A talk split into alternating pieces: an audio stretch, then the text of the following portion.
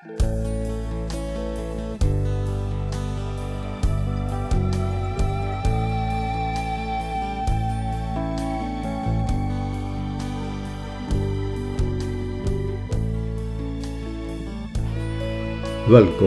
bij de podcast van Karin Verheijen.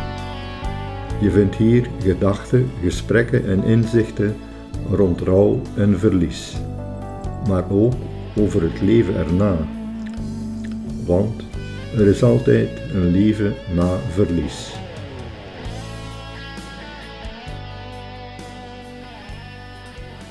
Dag lieve luisteraar. Een van de eerste dingen die ik s'morgens doe, is mijn agenda openslaan. Kijken uh, welke mensen ik kan proberen te helpen, waarvoor ze komen. Misschien is er een vergadering of een bijscholing of gelijk vandaag een opname voor een podcast. Mijn werk is erg belangrijk voor mij. Ik leg er, om het zo te zeggen, mijn hart en ziel in. En het heeft ook te maken met mijn waarden en mijn missie in het leven. Dus ik prijs me wel gelukkig dat ik dit kan doen. En hoe zou het dan zijn als je lichaam plots zegt van dit gaat niet meer, als het werk stil komt te liggen? Iemand die dit aan de lijve heeft ondervonden is Alida en ze zit hier helemaal klaar om haar verhaal te doen. Welkom Alida. Dag Karin.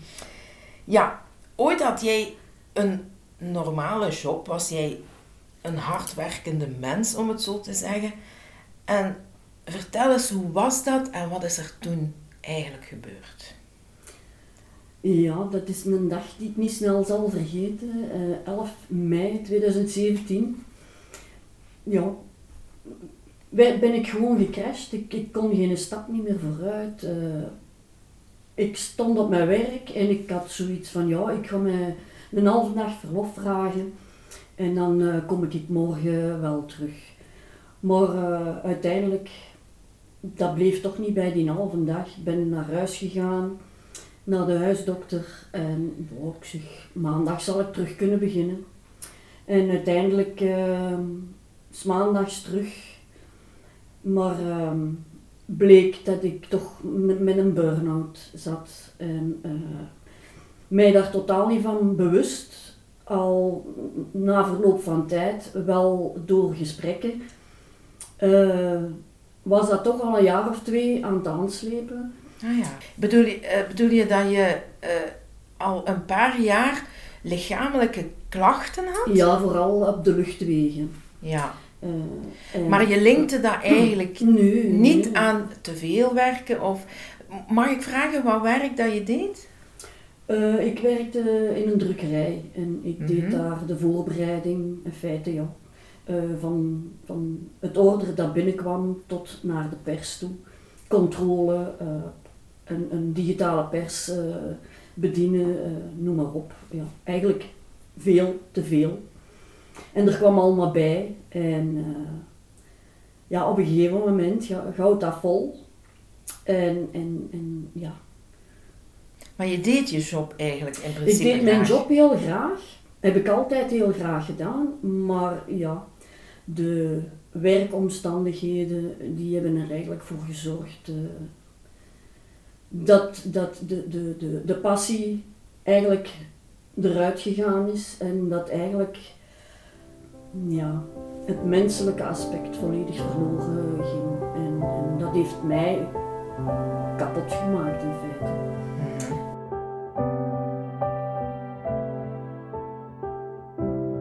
Dus we gaan eens terug naar die, die datum, want je hebt die datum zo goed voor ogen dat ik denk van ja, dat, is- dat is toen wel een heel heftige periode geweest. Dus je dacht, een weekendje thuis en ik ga terugwerken. En Ja. toen? Ja, dat was, dat was de bedoeling, ja. En, en, ja, mijn hulp te zoeken en, en vele gesprekken. En, en, en ja, uiteindelijk moeten we een tijd gaan invullen. En in het begin, ja, zit boeken aan het lezen en wilde weten van wat dat u overkomen is. En, en, en probeerde zo gezond mogelijk eh, eh, eh, te eten en, en, en noem maar op, om er zo snel mogelijk terug boven te komen. Zeg, en als ik even mag onderbreken, wie, wie had jou gezegd dat je eigenlijk in een burn-out zat? Wie? Dat was mijn huisdokter. Ah ja, oké. Dus zij dacht van, Alida is echt... eh, Als ik de tweede keer naar haar ging, mhm. eigenlijk kort na, na elkaar, eh, zij had mij eigenlijk al gezegd van ja, ik denk toch niet dat je eh, maandag terug gaat kunnen werken, maar kijk, je ziet maar.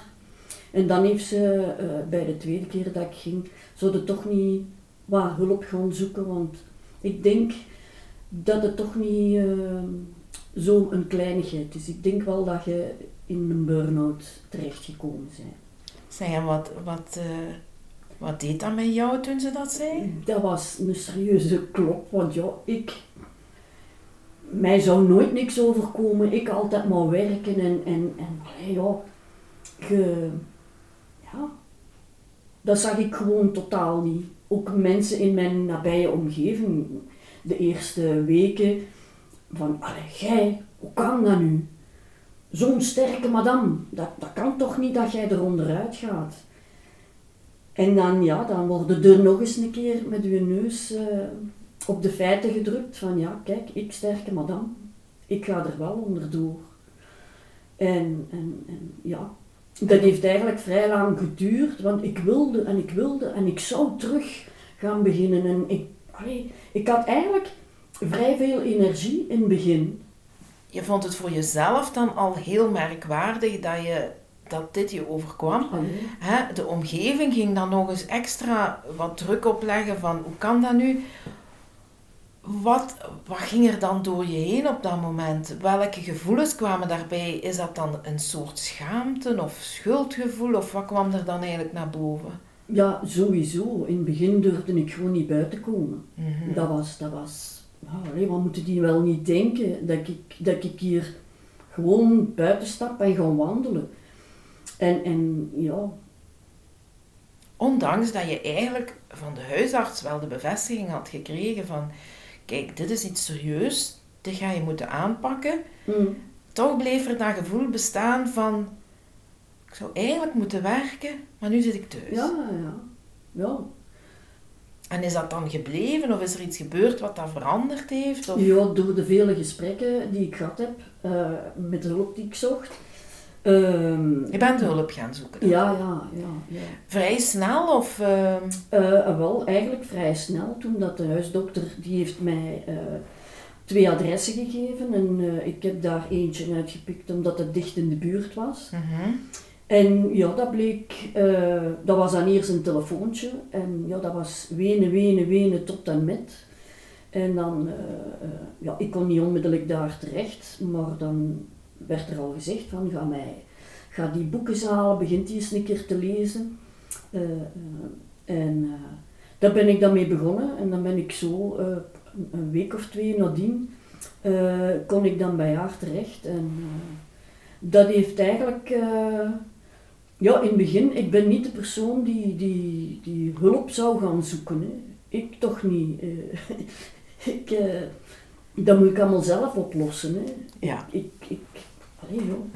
Ik Dus denk dat was- heel veel mensen eh, dat denken, hè, Mhm. van, zeker mensen die bestempeld worden, gelijk jij zegt, van sterk en, en we gaan door, er is maar één weg en dat is de weg vooruit. Mhm. Ehm, dan hulp zoeken eh, beschouwen mensen vaak als een zwakte, terwijl dat ik denk, eigenlijk is het een sterkte. Eh, was het heel moeilijk voor jou om, om die telefoon te nemen en, en te zeggen van ik zoek eigenlijk hulp voor wat me is overkomen? Ja, dat, dat, dat was op dat moment heel moeilijk. Eh, ik heb bijna niet anders gedaan dan zitten wenen. Ja. Maar ik heb op alleen al dat gesprek, dat voelde zo goed aan, dat ik, ja, die klik was er eigenlijk vrij snel. Ja. En, en ja, soms was dat ook confronterend, wat dat zeker niet slecht is om de mensen een keer even eh, wakker te schudden. Dat was zeker niet in het begin, dat was, dat was ja, omdat je af en toe het gevoel hebt dat je stil blijft staan en dat ze nu dan moeten zeggen, ja, maar dat is normaal. Eh, je, hebt, je hebt tijd nodig, maar ik had geen tijd.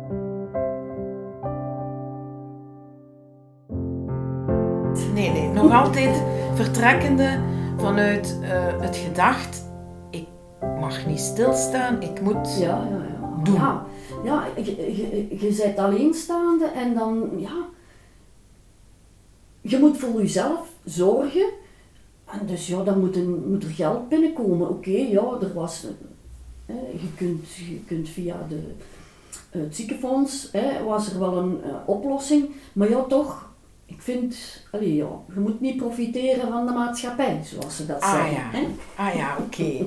Ja, ik denk dat dat wat je nu zegt iets heel belangrijk is voor de luisteraar. Hè? Mm. Dat mensen soms over hun grenzen heen gaan omdat ze op een onderbewust niveau zulke gedachten hebben van een mens mag niet ziek zijn, mag niet trekken van het ziekenfonds, want dan ben je eigenlijk aan het profiteren van de maatschappij. We gaan even een stap in de toekomst nemen. Hoe denk je daar nu over als je dat hoort? Of stel dat je iemand zou tegenkomen die in die situatie nu is, wat zou je dan zeggen? Ik heb daar enorm veel begrip voor. Ja. Dat is totaal omgekeerd. Want ik had zelf ook, eh, gewoon om, om dat, dat zelf ook van, van het werk uit, ja, toch niet, toch niet thuis blijven voor, voor een dag eh, snotteren. Mhm. Allee, ja. Dus dat, dat werd er ook van het werk uit zodanig op, op gehamerd.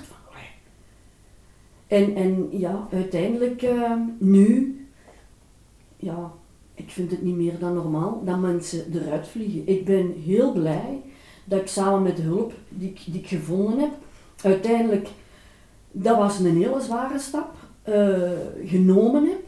Mhm. Eh, samen met de huisarts en de hulp die ik gevonden heb, eh, de stap gezet heb om, om, om mij medisch ongeschikt te laten verklaren.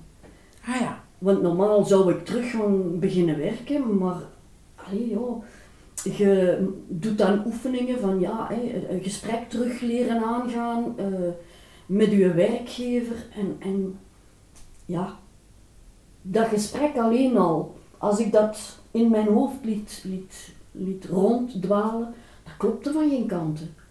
En hoe bedoel je, dat, dat klopte eh, niet? Ja, wat, ik zou terug gaan werken Op diezelfde plaats? op diezelfde plaats. Mhm. Mm, Maar eigenlijk was dat de plaats die mij, die mij eigenlijk kapot gemaakt heeft. Die mij ziek gemaakt heeft. Die mij onderuit heeft doen gaan. En, en dus daar wilde ik zeker niet terug naartoe. Mhm. Wil je zeggen dat ehm, als de omstandigheden van dat werk wat je toen deed niet veranderden, dat je dan dezelfde weg op zou gaan, moest Ja, je teruggaan? Zeker Ja. weten. Ja. Na zoveel maanden, want daar heb ik eigenlijk wel heel lang over gedaan, vooraleer dat die beslissing gevallen is. Hè, 11 mei 17 en dan was het juni, eh, 2000, eind juni 2018 dat de beslissing gevallen is en dat contract verbroken is. Dus ja, daar heb ik heel lang mee bezig geweest, vooraleer dat ik die stap zette, want ik wilde toch altijd maar teruggaan. Vandaar ook dat die gesprekken, dat rollenspel ge- eh, gebeurd is, Mhm. terwijl zowel de huisarts als de hulp, eh, de psychologen, dat die mij zeiden van, dat is niet de plek waar dat jij terug naartoe moet. Dat jij gaat binnen de kortste keren terug. Mhm. Mhm. En je, ben, je, je was dan thuis, je hebt gezegd, ik las wat boeken, hè, je, je had dan regelmatig een gesprek.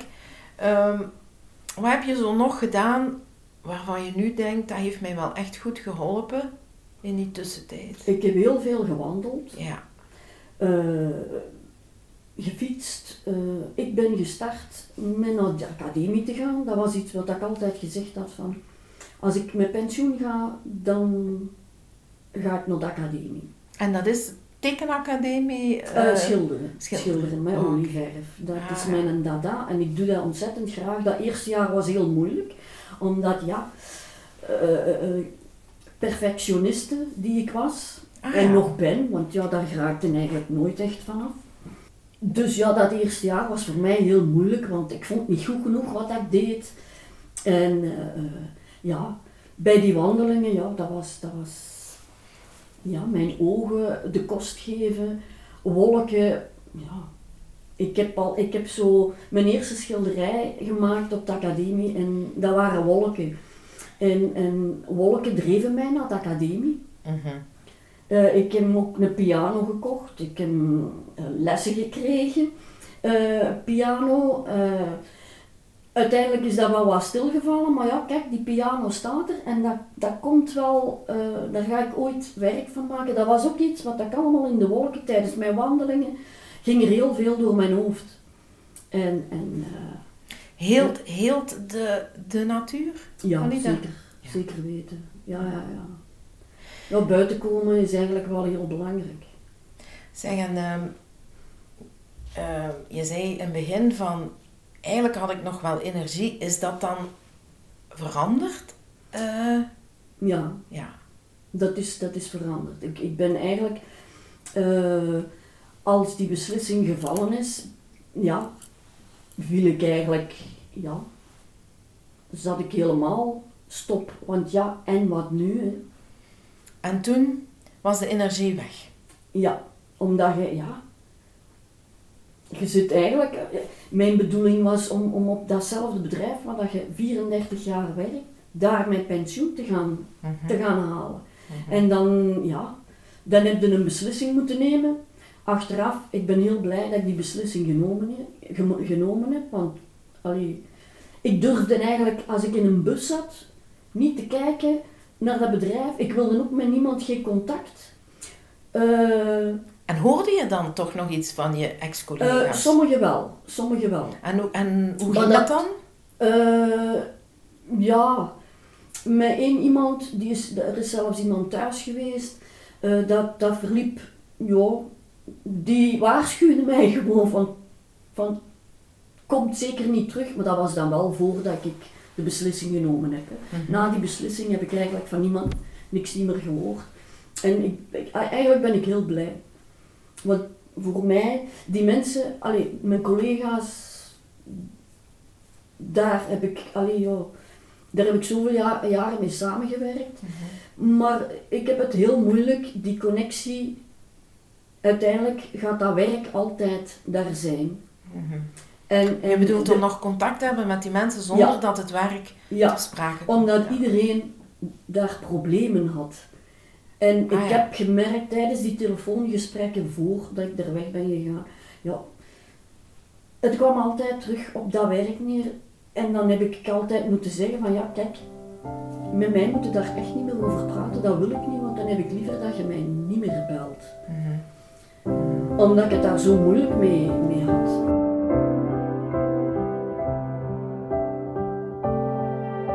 Ja, dat begrijp ik. Heb je, heb je dat er echt ervaren als een verlies? Ja, allee, dat is... Ik heb En nooit... wat heb je dan precies verloren? mijn, mijn, mijn, ja, daar wat ik gestart ben, allee, dat was een doel om daar ook te eindigen. Ja. Nee, ja. Ik weet het, tegenwoordig eh, hecht daar niemand zoveel belang niet meer aan om binnen één bedrijf te groeien. Eh, ik, Mhm. ik, ik ben daar, la- laten we zeggen, ja, van onderaan een trap begonnen en ik ben geklommen tot waar dat ik stond. Wat dat mij dan ook, ja, Dus het was meer dan enkel een plek waar je geld verdiende. Ja, in feite beschouwde ik mijn werk als, alsof dat het, eh, eh, ja, alsof dat het van mijzelf was. En ja, daar ben ik wat te ver in gegaan. Mhm. Eh, het kon niet rap genoeg gaan voor mij. Eh, tegen de tijd dat ik het had uitgelegd, had ik het zelf gedaan. Eh, ja, wat, wat nog allemaal? Ik vraag het specifiek omdat ik weet dat mensen die een perfectionistische aanleg hebben of de extra maal altijd willen doen op hun werk, eigenlijk grotere kanshebbers hebben op een burn-out. Herken je dat zo? Ja, ja zeker vast. Mhm. Nee, nee leren zeggen. Ja, bij mij was het altijd, ah ja, Alida, kun jij dat? Maar ja, allee, pak maar. Allee, eigenlijk werd er niet meer gewacht op, op, op eh, een nee. Hè. Ah ja, Dat, dat was het werd gewoon- vanzelfsprekend. Ja, ja dat was vanzelfsprekend. Uiteindelijk, ja, ik, ik was meer op mijn werk dan thuis. En ik heb nu een heel ander leven. Mhm. En, en oké, ik heb misschien dat financiële niet meer van toen, maar ik ben veel gelukkiger dan toen. Maar nu spreken we wel over een periode van toch een paar jaar tussen Ja, toen ja. en nu. Ja, ja, ja. Een Ja, paar dus- jaar waarin je dingen bent gaan doen, maar zo te horen ook andere inzichten hebt gekregen over werk, over leven, over... eh, Ja, ja, zeker en vast. Ik ben ook heel blij dat ik, eh, ja, dat zit er nog altijd in.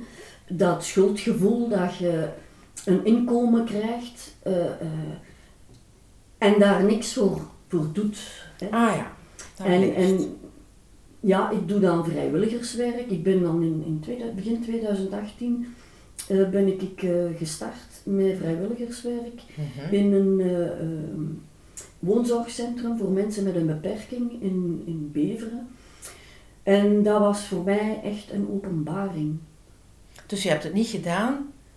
Ik moet het niet zo interpreteren dat je begonnen bent met vrijwilligerswerk, omdat je toch het gevoel had van ik moet iets terugdoen voor de maatschappij, voor hetgeen dat ik Ja, in financieel eerste krijg. instantie wel. Hè. Ah ja, oké. In eerste instantie wel. Ja, oké. Ja, nu, nu bekijk ik het zo niet meer, om, omdat, ik, eh, omdat ik er enorm veel eh, voor terugkrijg. Mhm.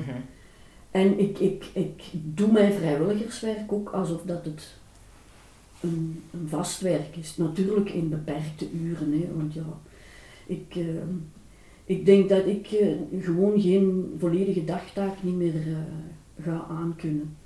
Allee, dat is ook al, al gebleken. Dus, eh. Maar kijk, dat wat dat ik wel nog kan doen, dat doet mij heel veel plezier. En daar krijg je zoveel voor terug. Gewoon ja, een knuffel van die mensen. Spijtig, corona is er tussen gekomen en dat heeft dus Mhm. echt een, eh, een hak gezet Mhm.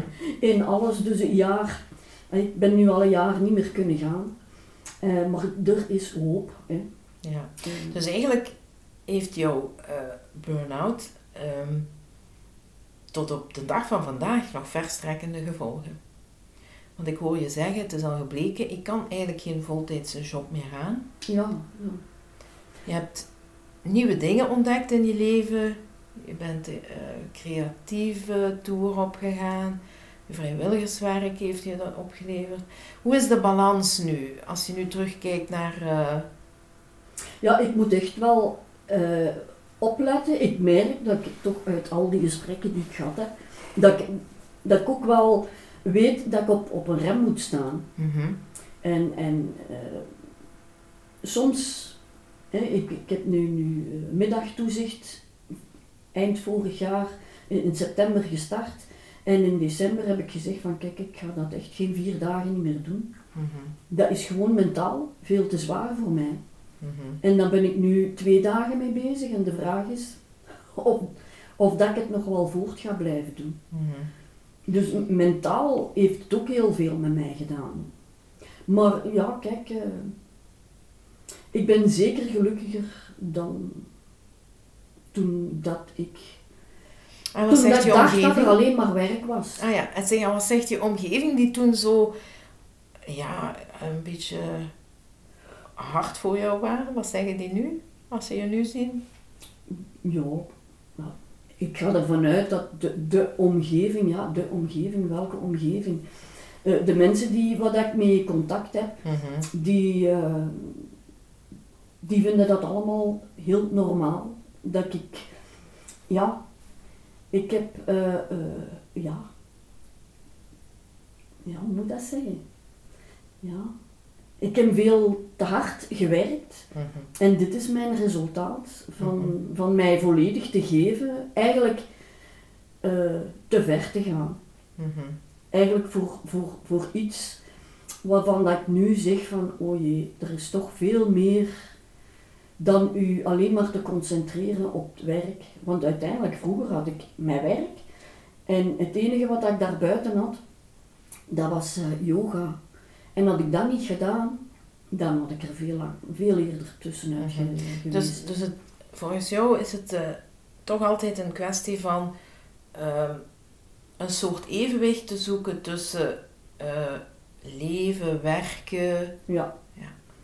Ja. Ja, het is, het is niet alleen eh, werken en thuiskomen en eten en slapen, want dat werd het bij mij op den duur. Maar ja, er, er is nog daarbuiten zijn er nog andere dingen die ik ontdekt heb. En ik ben, ben heel blij dat ik al, al vier jaar aan het schilderen ben, eh, terwijl dat ik dat anders pas op Mhm. mijn pensioen zou doen. Mhm. Ja, mooi om te horen allemaal. Ik wou je eigenlijk vragen van, heb je nog een gouden raad voor mensen die zich wat herkennen in jouw verhaal? Maar ik ga het op een andere manier vragen, want ik sluit elk interview eigenlijk af met de vraag, is er leven na verlies? Dus ik vraag aan jou, is er leven na jouw verlies, jouw burn-out? Ja, zeker wel. Zeker wel. In welke zin? Eh, ja, dat het leven niet alleen bestaat uit werken, Ja. maar, maar dat je dingen moet doen, vooral dingen doen die dat je graag doet. En bij mij was het met mensen, menselijk omgaan. En ik, ik zeg het, eh, ik, ik, ik werk nu veel met, met kinderen die bij mij thuis komen schilderen. Eh, gewoon met hun samen iets, iets maken zien dat ze plezier hebben bij de bron ook. Ah, ik, ik, ik- Dat is voor mij, Mhm. Ja. Iets zoeken waar je je hart en je ziel in kan leggen, maar het hoeft niet per se volledig in het werk te liggen. Dat is de conclusie. ja, Oké. Mooi, fijn. Dankjewel Alida voor dit interview. ja, ja.